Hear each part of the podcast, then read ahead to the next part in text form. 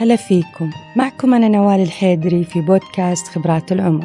أثير معكم في كل حلقة موضوع يهمنا نتحدث فيه نناقشه ونستخدم خبراتنا ومطالعاتنا لفهمه والتعمق فيه. موضوعنا اليوم بعنوان التعامل مع أهل الزوج والزوجة. تجيني حالات كثيرة في مكتب الاستشارات وأسمع من حولي عن مشاكل زوجية أساسها عدم القدرة على إدارة العلاقات مع الزوج وأحيانا مع أهل الزوج. بداية الزواج تكثر النصائح للمتزوجين حديثا عن كيفية التعامل مع أهم طرفين في حياتهم. الجديدة اللي هو مع الطرف الآخر الزوج أو الزوجة ومع أهلهم. أحيانا نسمع البنت تقول أم زوجي تبغى تعلمني كل شيء. تتدخل في كيف أطبخ كيف أنظف كيف ألبس. أنا ما أحتاج مساعدتها. وأحيانا الشاب يقول أبو زوجتي ما يتركنا. دائما يا يعطي لها فلوس لشراء أشياء إحنا ما نستطيع تحمل تكلفتها. يا يعطي اقتراحات في تعديل بعض الأمور. وأحيانا أم الزوجة تعطينا خطط معينة تعتقد المفروض إحنا نطبقها. ويقول الشاب أتمنى لو خلونا ندبر حياتنا بأنفسنا. وإذا سمعناهم يقولون كذا أول رد ينقال لهم. احمدوا ربكم هم يتعاملون معكم مثل عيالهم. أنتم أيضا عاملوهم مثل والديكم. هل تعليقنا هذا أو نصيحتنا هذه تعاملوا معهم مثل والديكم وتعاملوا يا أهل الزوج والزوجة مع العنصر الحديث اللي دخل العائلة كأحد الأبناء؟ قدم له النصيحة إدعمة. هل هذا في صالح جميع الأطراف أم العكس؟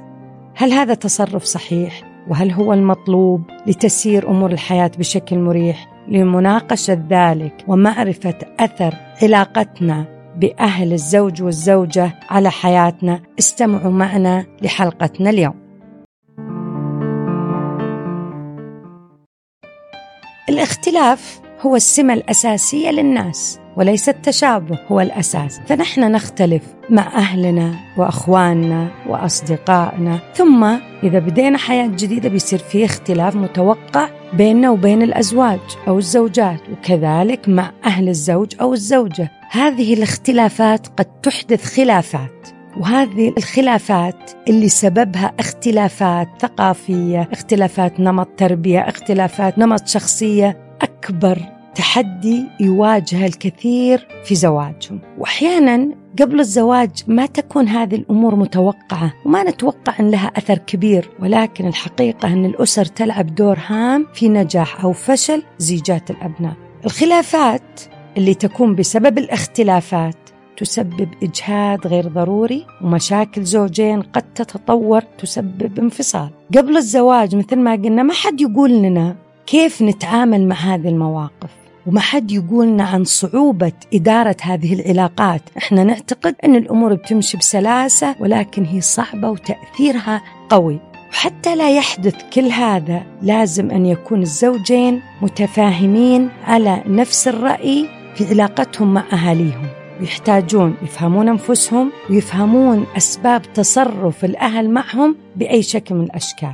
ومن أسباب الخلافات تدخل الأهل في حياة الأبناء. لذلك إحنا دائما نتساءل ليش يتدخلون؟ هل السبب فينا إحنا كأزواج جدد أم المشكلة عند الأهل؟ بالنسبة لمعظم العائلات التدخل في حياة أبنائهم يعتبرونه مشروع وهو شيء شائع. باعتبار سلطة الأهل الأب والأم لا تنتهي مع الزواج يبقى للأب والأم حقوق على أولادهم وواجبات ما دام على قيد الحياة. ولكن وش الحقوق اللي تعتبر طبيعية؟ والش اللي تعتبر غير منطقية قد تسبب مشكلات لذلك نحتاج فهم الأسباب اللي تدفع أهل الزوج للتدخل في حياة ابنهم الزوجية واللي تدفع أهل الزوجة للتدخل في زواجها. فهم الأسباب يجعلنا نستطيع أن نضع الأسس لحلول هذه المشكلة اللي يسببها تدخل الأهل. وأيضا فهم الأسباب تجعلنا نستطيع أن نضع حدود صحيحة لعلاقة الأسرة الصغيرة مع الأسرة الكبيرة. فإحنا نشوف أن من أبرز أسباب تدخل الأهل أنهم ما قبلوا الواقع الجديد. إن الأبناء اللي كانوا صغار معتمدين علينا كبروا واستغنوا عنا اتخذوا قراراتهم استقلوا في بيت وأيضا موجود شخص آخر يشاركهم حياتهم. لذلك أحيانا يبدأ الأهل باظهار مشاعر غير جيدة أمام الابن أو الابنة المتزوج حديثا في عندما آه، يرونه يهتم بالطرف الآخر، لذلك أحيانا بعض الأبناء يجارون الأهل ويتصرفون مع الشريك حسب ما يبغون الأهل وما يفكرون هذا مناسب ولا لا، خوف على مشاعر الأهل وعشان يتخلصون من شعورهم بالذنب لأنهم أسسوا حياة جديدة، وهذا الموقف بالأغلب يكون مرتبط بكيفية تربيتنا لأبنائنا. إحنا كوالدين. بعض الأهل اللي اللي صارمين متحكمين يكونون العيال مو على طبيعتهم إذا كانوا أهلهم موجودين. ولكن الأهل ينسون إن هذا واقع الحياة. الرفض ولا عدم قبول هذا الواقع يؤثر سلبا في حياة الأبناء. فإحنا مرينا كأهل إن إحنا كونا حياة مستقلة بعيد عن أهلنا. اللي إحنا ما نتحمله إن أبنائنا يشعرون بعدم الراحة. وإحنا ما ندري إن عدم قبولنا هذا الواقع بدون ما نقصد يكون سبب في ألم أبنائنا. من الأمور الصعبة اللي يعاني منها الأبناء إنهم يبدون يفكرون أرضي مين؟ من يأتي اولا؟ أمي أو زوجتي؟ من يأتي اولا؟ أبوي أو زوجي؟ هل نحن في حاجة لكل ذلك في وضع الأبناء في هذا المحك؟ محبة الوالدين والبر بهم؟ هذا ما يختلف عليه اثنين. وإذا استقلوا مو معناه أو تزوجوا مو معناه إنهم ما يحبوننا ولا مو بارين فينا. لا نضع عيالنا على محك مين يأتي اولا. أيضا أحيانا إحنا بدون ما ندري يكون تدخلنا ولا ملاحظاتنا السلبية من شعورنا بالغيرة. أحيانا في غيرة طبيعية وفي غيرة غير طبيعية.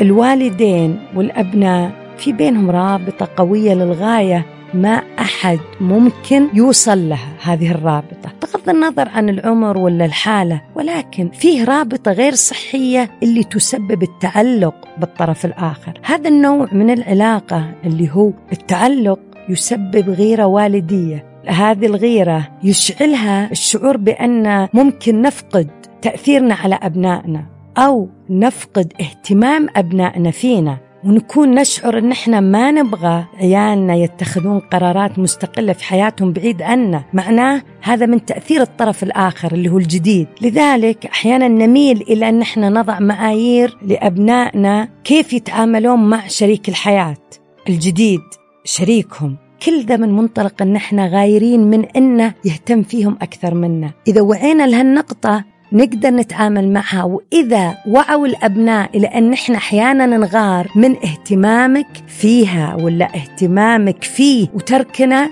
إذا عرفوها بوعي يبدون ينتبهون بدون ظلم أحد الأطراف. أحيانا تدخلنا في حياة الأبناء يكون سببه شعورنا بالمسؤولية المستمرة عن الأولاد ومحاولة حمايتهم. أحيانا مهما كانت أمور الأبناء جيدة يظل الأهل يشعرون بالمسؤولية تجاههم. يشعرون أنهم مطالبين بتقديم نصح ومشورة ودعم ومساعدة في تخطيط حياتهم في كل المجالات. فإحنا ما نقدر بسهولة أن نتقبل استقلالية أبنائنا الكاملة خروجهم عن رعايتنا. هذا الشعور بالمسؤولية تجاه الأبناء أحيانا نصل إلى أنهم نبين لهم أن نستخف بقراراتهم وما يعرفون. هذا هو أحد أهم الأسباب اللي تدفعنا نتدخل في حياتهم. ما يجب إدراكه وفهمه من قبل الأبناء المتزوجين حديثا أن هذا التدخل حتى لو كان نابع من نية صافية غالبا إلا أنه يعتبر كأنه آلية دفاعية نفسية نقوم بها كأهل بدون ما نقصد لمواجهة فكرة انفصال أولادنا عنا هذه تخلينا نشعر بالطمأنينة وإننا لنا دور في حياتهم وقادرين على التأثير فيهم. ولكن المبالغة في ذلك كأنها تعطي رسالة للأبناء إن إحنا ما نثق في قدراتهم ولا نعتبرهم ناضجين كفاية للتعامل مع قضايا الحياة. وبالتالي يحتاجون مساندة. اذا عشان نبرر لأنفسنا تدخلنا نقول والله هم يعرفون. عشان تثبتون لنا إنكم قادرين على إدارة حياتكم بينوا لنا جدارتكم وقدرتكم على إدارة الحياة بطريقة صحيحة. أحيانا إحنا نتدخل لأننا ممكن مرينا بأمور نبغى نحميكم منها. ونعتقد أن إحنا إذا علمناكم وبينا لكم خطورة بعض التصرفات إحنا نبغى نحميكم. ندري إن ما نبغاكم تكررون التجربة ونتدخل ولكن على الرغم من إن هذا تصرف نبيل لكن دائما النوايا الحسنة لا تكفي لأن أحيانا الأسلوب اللي إحنا نتدخل فيه في حياة أبنائنا يسبب لهم ولنا مشاكل كثيرة. لذلك يبغى لنا إحنا كأهل ننتبه من محاولة الحماية. هم كبروا مفروض يتعلمون بالتجارب مو إحنا اللي نعلمهم. والشيء الثاني الأزواج الجدد لابد أن يثبتون دائما أنهم على قدر المسؤولية وعلى قدر من النضج أنهم يحمون حياتهم بدون تدخلنا أحيانا إحنا نتدخل في خاصة في مجتمعنا مجتمعاتنا العربية للحفاظ على هذه الأسرة الكبيرة اللي امتدت من أجيال ما نحب أن أبنائنا ينفصلون عنها. لا من الناحية المعنوية اللي هي يستمروا في نفس عاداتنا في تقاليدنا قيمنا. الأهل دائما وظيفتهم التنشئة الاجتماعية وهذه التنشئة اللي هي تعليم الأبناء المعايير الثقافية اللي تربى عليها الأهالي. يبغون ينقلونها للأبناء ويؤمنون أن لابد من الحفاظ على الأسرة الكبيرة اللي هي نفس القيم نفس العادات نفس التقاليد. وإن عيالنا يكون امتداد لهذه العائلة الكبيرة. والتغير اللي حدث مو بسهولة يقبلون الأهل. التغيرات الحديثة الأشياء اللي كانت مثلا القديم والحديث الممنوع والمقبول. في الأهل يتدخلون لأنه اللي كان صحيح قديما لم يعد كذلك. ما كان ممنوع قديما الآن أصبح عادي. هذا الفكر حق الأهل وأسلوب حياتهم يجعلهم أكثر رغبة في التأثير على حياة أبنائهم. للعودة إلى ما يعتقدونه أنه هو الصحيح اللي ممكن ما يتناسب مع الأبناء. لذلك نحتاج أن إحنا نفكر في بعض الأسس ما ممكن تتغير بتغير الزمان. والمكان. في بعض الأمور اللي هي ممكن هي تقاليد ممكن انها تتغير. لذلك قد لا يلام الأهل لتدخلهم لأنهم يعتقدونهم هم حراس القيم ويعتقدون أحيانا ما يفرقون بين القيم العليا اللي أسسها فاضلة ما بين التقاليد اللي هي عبارة عن أمور متوارثه قد تكون صحيحة وقد تكون خاطئة. وأيضا لابد من يعرفون الأبناء إن الحفاظ على امتداد الأسرة وقيمها هذا يعتبر جزء من الانتماء. وإحنا مجتمعات جمعية وليست فردية. لذلك إحنا نحتاج هذا الانتماء. لذلك الأهل يحاولون ربطنا بهذا الانتماء. لذلك يكون فيه كأنه زي تفاوض. وش الأشياء اللي ممكن نعديها وش الأشياء اللي ضرورية نقوم فيها؟ أيضا الحفاظ على الأسرة الكبيرة ليس فقط بالناحية المعنوية ولكن أيضا من النواحي المادية. لابد من الحفاظ على الأسرة لأن أحيانا يكون الأهل مرتبطين هم والأبناء بنواحي مادية. قد يكونون يعملون في شركة عائلية قد يكون الابن مسؤول عن والديه أو مسؤول عن الأخوة. لذلك تدخل الأهل للحفاظ على هذا هذه الروابط سواء معنوية أو مادية. الأمور المادية المشتركة بين الأهل والأبناء توضح أنه ما زال هناك ارتباط وامتداد لهذه الأسرة الكبيرة. أحيانا تدخل الأهل يكون بسبب ليس فقط عدم قدرة الأبناء على إثبات أنهم قادرين على تكوين أسرة وأنهم ناضجين أحيانا تدخل الأهل بسبب عدم قدرة الزوجين على رسم حدود واضحة لأسرتهم الصغيرة. اذا أحيانا الأهل يحترمون خصوصية أبنائهم و لكن يتدخلون لأنه ما فيه قدرة. عند هذول الزوجين على رسم حدود واضحة لأسرتهم ولعلاقتهم مع الأسرة الكبيرة وبيت الأهل. ضعف شخصية الأزواج يسبب تدخل ليس فقط الأهل بل حتى الأقارب عموما. وهذا العجز عن قيادة الأسرة ورسم حدود العلاقة مع الآخرين بسبب ضعف شخصية أحد الأزواج أو اثنينهم يؤدي للتدخلات المختلفة لأن الناس تميل إلى النصح إلى أنت قاعد تتكلم طول وقتك عن عن مشاكلك وعن الأشياء اللي أنت تمر فيها. الناس تحب تنصح تحب تسيطر تحب تشارك التجارب يشعرون بالسعادة عند التأثير على الآخرين. فإن لم يتمكن الزوجين من إيقاف كل ذلك وإيقاف أنفسهم من من عرض حياتهم أمام الآخرين، الآخرين بيتدخلون، بيكون بيتك باستمرار كأنه بيت بدون جدران مكشوف للجميع وكل الناس تدخل وتطلع فيه عن طريق أفكارهم وآرائهم وأسئلتهم، لذلك أنت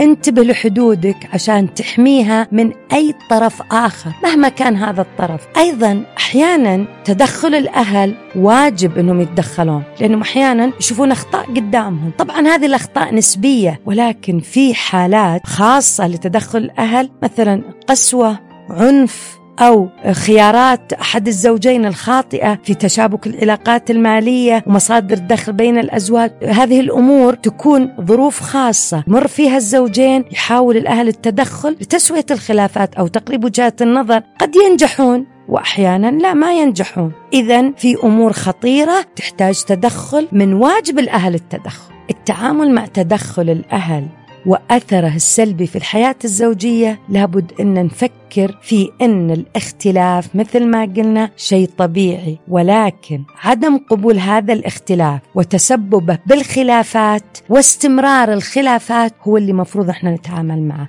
أيضا يجب على أساس نتعامل مع هذه التدخلات نعرف السبب اللي يخلي والدينا يتدخلون في حياتنا. هل المشكلة فينا وعدم نضجنا وعدم وضعنا الحدود أم فيهم وشعورهم بأننا إحنا ما نعرف و... وأن إحنا ما نقدر نكون أسرة وأن إحنا مهما كبرنا ونضجنا ما زالوا ينظرون لنا عن أطفال. لذلك نحتاج أن إحنا نبدأ بالآتي. نبدأ بأننا نضع حدود لعلاقتنا بالأهل من بداية الحياة. لابد أننا نستوعب التغيرات في علاقتنا مع الأهل. صار عندنا خصوصية عائلية ما عندنا ابنهم ولا عاد هي ابنتهم. إحنا صرنا زوج وزوجة شريكين لتكوين حياة أسرية جديدة لا هي مرتبطة بعائلتي ولا بعائلتها. آخذ الزين من هنا وآخذ الزين من هنا واللي ما يعجبني ما آخذه. إذا في خصوصية في استقلالية. هذه الاستقلالية تقول أنا انتقلت لحياة جديدة سواء قريب من الأهل بعيد عن الأهل فيها استقلالية في القرارات. أضع قوانين لهذه الحياة الجديدة. طبعا كل هذه الأمور مي بسهلة صعبة لكنها مهمة على المدى الطويل. لازم أن أفكر في الخطوات الأولى لوضع الحدود. وش الحدود اللي أنا أحتاجها؟ الحدود اللي أحتاجها إني وش الأمور اللي أتكلم فيها مع أهلي وهي تتكلم فيها مع أهلها؟ وش الأمور اللي ما مفروض هذه تصير فقط في داخل بيتنا الزوجي؟ وش السلوكيات اللي أقبلها من الآخرين مهما قربوا؟ وش السلوكيات اللي أنا ما أقبلها؟ أيضا يبغى لي أفكر كيف أتكلم عن هذه الحدود؟ يجب أن يكون في إعداد مسبق واتفاق بيني وبين الطرف الآخر. أيضا كل واحد يوصل هذه الحدود اللي يبغاها الوالديه وشلون الأشياء اللي بقولها؟ وش الأشياء اللي أنا أفعلها؟ ويوضح لهم أنه شخص بالغ وأن العلاقة بينه وبينهم مو زي ما كانت أول. وكل إنسان يعرف كيف يوصل هذه المعلومة لوالديه في ناس يجيبونها بطريق مزحة في ناس يجيبونها بطريقة آه، بقصة طريقة اللي يتناسب معهم. أيضا لتوصيل الحدود إلى والديك يحتاج الوالدين مثل ما قلنا شرح صريح من ابنهم أو ابنتهم وليس من الطرف الآخر. بأسلوب مناسب متدرج لطيف ما في جرح أو عدم بر يوضح لهم أن الأولوية الآن حماية زواجه.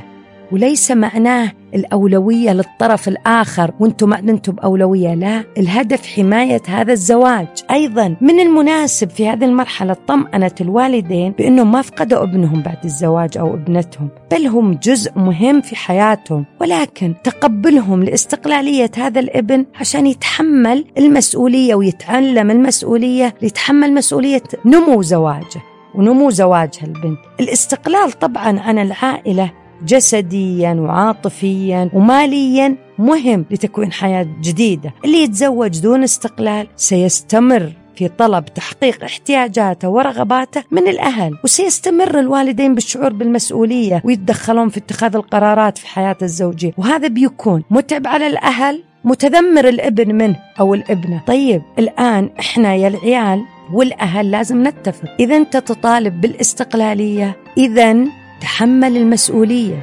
يعني أنت بعدت جسديا أنت في مكان وإحنا في مكان. ابتعدت عاطفيا بمعنى ما هو باستمرار نشوفك وتشوفني ونتكلم وصرت.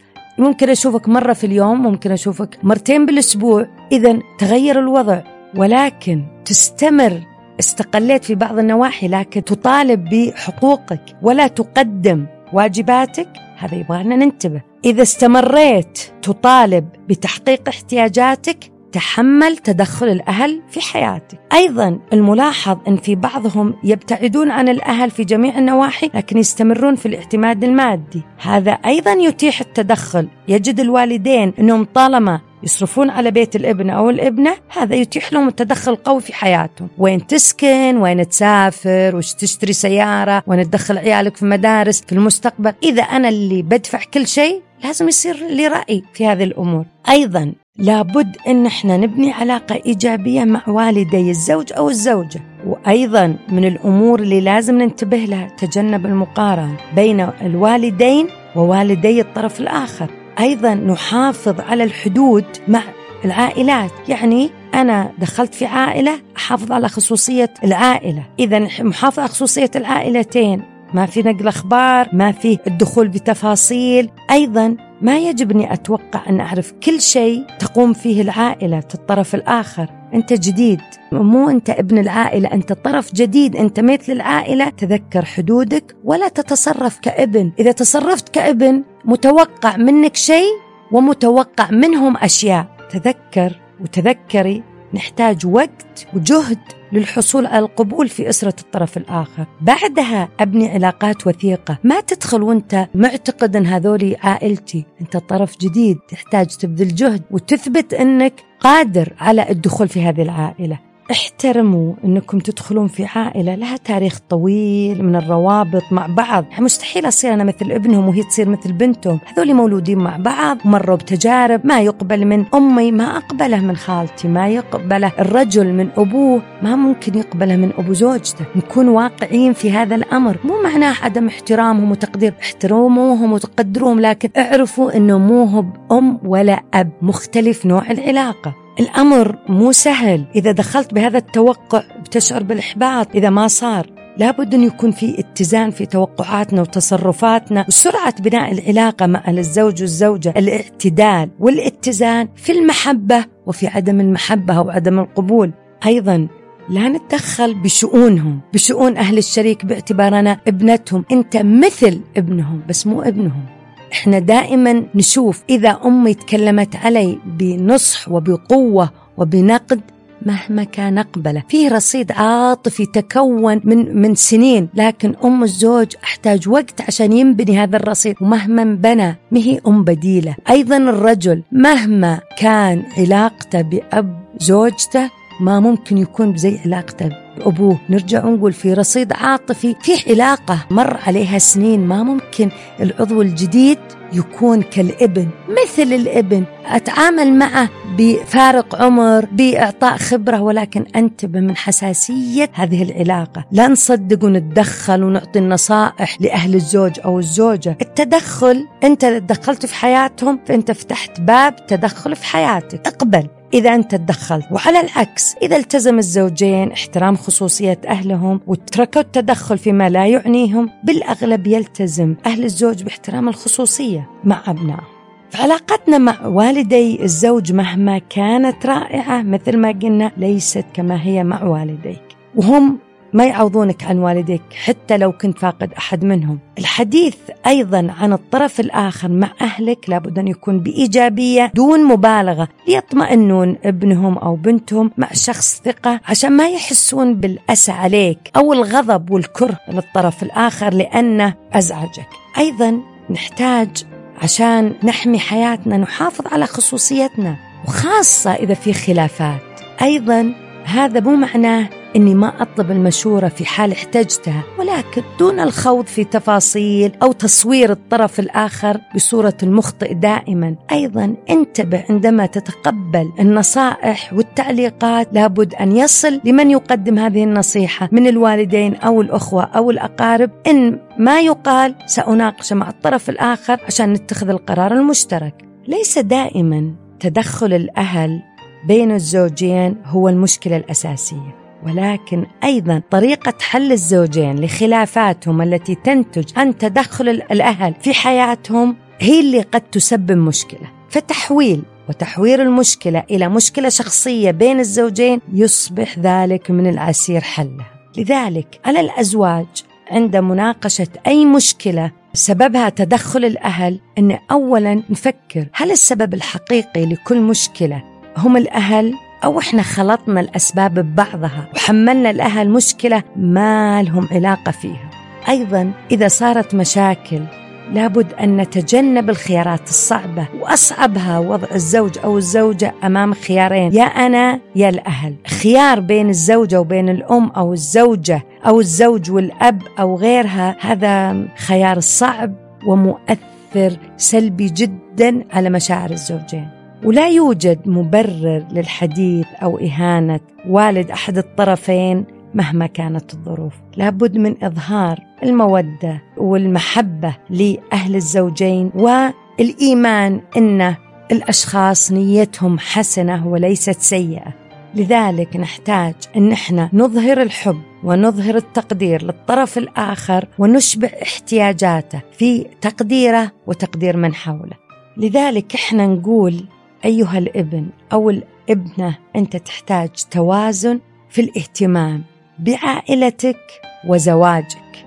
الاهتمام ببناء حياتك الزوجية على أسس قوية في سنواتها الأولى مهم فمهما كان وضعك مع والديك لا تهمل حياتك الجديدة. تذكر لا يمكن أن تقوم بكل شيء لمن حولك. في أولويات يمكن أن تفعلها إذا احتاجوها أهلك ولكن فكر في أنك تبني أسس وحياة جديدة تحتاج إلى تركيز.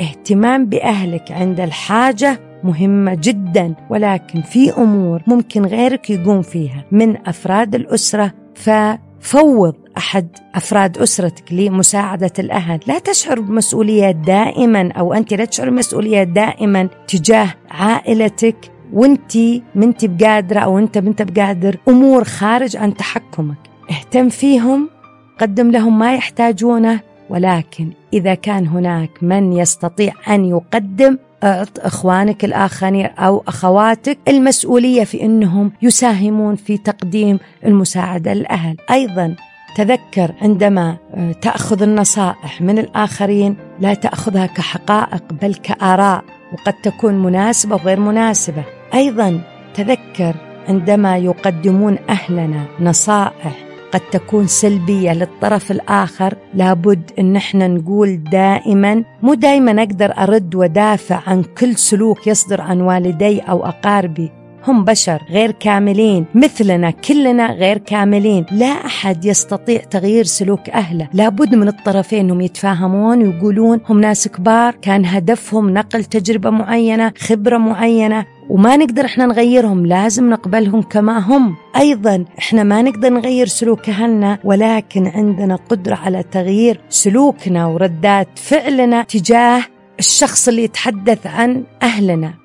إحنا لازم نبين ان إحنا نقبل اهلنا كما هم ونقبل شريكنا كما هو ونغير ردات فعلنا تجاه ما يقوله دائما عندما تتحدث مع الشريك أو تتحدث مع أهل الشريك تحدث فقط عن نفسك وليس عنهم أنا أشعر بكذا عندما أسمع قول كذا بدلا من أنت تظلمني لأنك تسمع كلام أهلك. أنت غير منطقي لأن أهلك يسيرونك. تحدث عن مشاعرك وعن نفسك وليس عنه لأن هذا يجرحه ويبعده عن سماعك. أيضا دائما فكر بالتفاوض كأزواج ونبدأ بالاقتراحات. هل هذا يناسب؟ إيه إذا هو مناسب وش تقترح؟ هل نلقى حل وسط يناسب؟ هذا تفضله. مثلا إذا هذا يعني شيء كثير بالنسبة لك أنا ممكن أغيره. دائما إذا سمعت أفكار قدر هذه الأفكار سواء من الأهل أو من الزوج.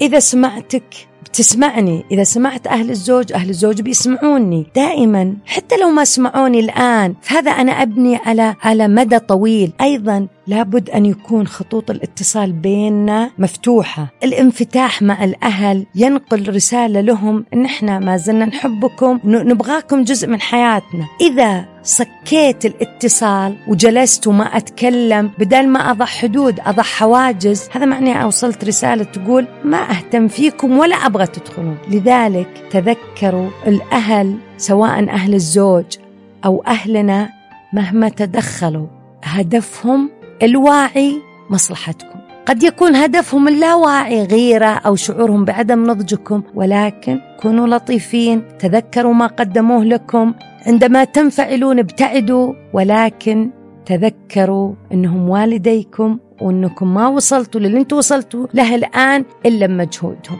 أيضا كلمة أخيرة لأهالي الأبناء المتزوجين. إحنا كنا ندرب أطفالنا على الاستقلال من ولادتهم. نشيل عنهم الحفاظ نعودهم على الحمام نشيل عنهم الرضاعة نعودهم يمشون. كل الهدف ينفصلون عنا. الوضع الطبيعي للأم والابن أن مرحلة معينة بعد الطفولة يبدأ الطفل ينفصل شيئا فشيء ونحتفل مفروض لاستقلالهم وبعدهم لأن هذا الوضع العادي. يلتصقون فينا باستمرار مو في صالحنا ولا في صالحهم. علمناهم كيفية القيام بأمور كثيرة واتخاذ قرارات ومسؤولية وقوموا سووا كذا وتعودوا كذا. اطبخي تعود إنك تقوم بمساعدتنا في أمور كثيرة. الآن وهم متزوجين مفروض نحتفل بأنهم استقلوا وابعدوا وارتحنا وارتاحوا. لذلك ننتبه مشورتنا غالية ومقترحاتنا أغلى. لا نقدمها إلا إذا طلبوها. إذا ما طلبوها خلهم يتعلمون. وفيه طريقة في التعلم. في أسس مدارس التعلم تقول التعلم بالتجربة وهي أقوى. وإحنا نلاحظ نعطي ملاحظة نتعب نفكر فيها ونتكلم فيها ونعطي ونعطي وبعدين يسوون عكسها. لذلك لا تقدمون مشورة إلا عند الطلب. رأيك وفكرك قيم. لا تجعلينه يهمل أو يكون عبء. حتى الهدايا أحيانا إذا هدية غير مرغوبة ما مفروض أقدمها لأن الهدية غير مرغوبة تصير مو هدية تصير عبء. لا ننسى جميعا كأهالي وأبناء نحتاج البعض يحتاج الأبناء المتزوجين إلى محبة. وتقبل الأهل ودعمهم لأنهم لن يستطيعون العيش بتوازن بدون محبة وتقبل ودعم الأهل. ويحتاج الآباء أيضا محبة وتقدير الأبناء. ولا يمكن أن يستغني الآباء عن الأبناء والأبناء عن الآباء. لابد أن نحتفل الآن بنضج أبنائنا وقدرتهم على الاستقلالية. والآن دورهم أن يثبتون لنا كم هم قادرين على إدارة حياتهم بفعالية. شكرا لكم وأتمنى لكم دوام التوازن والمحبة.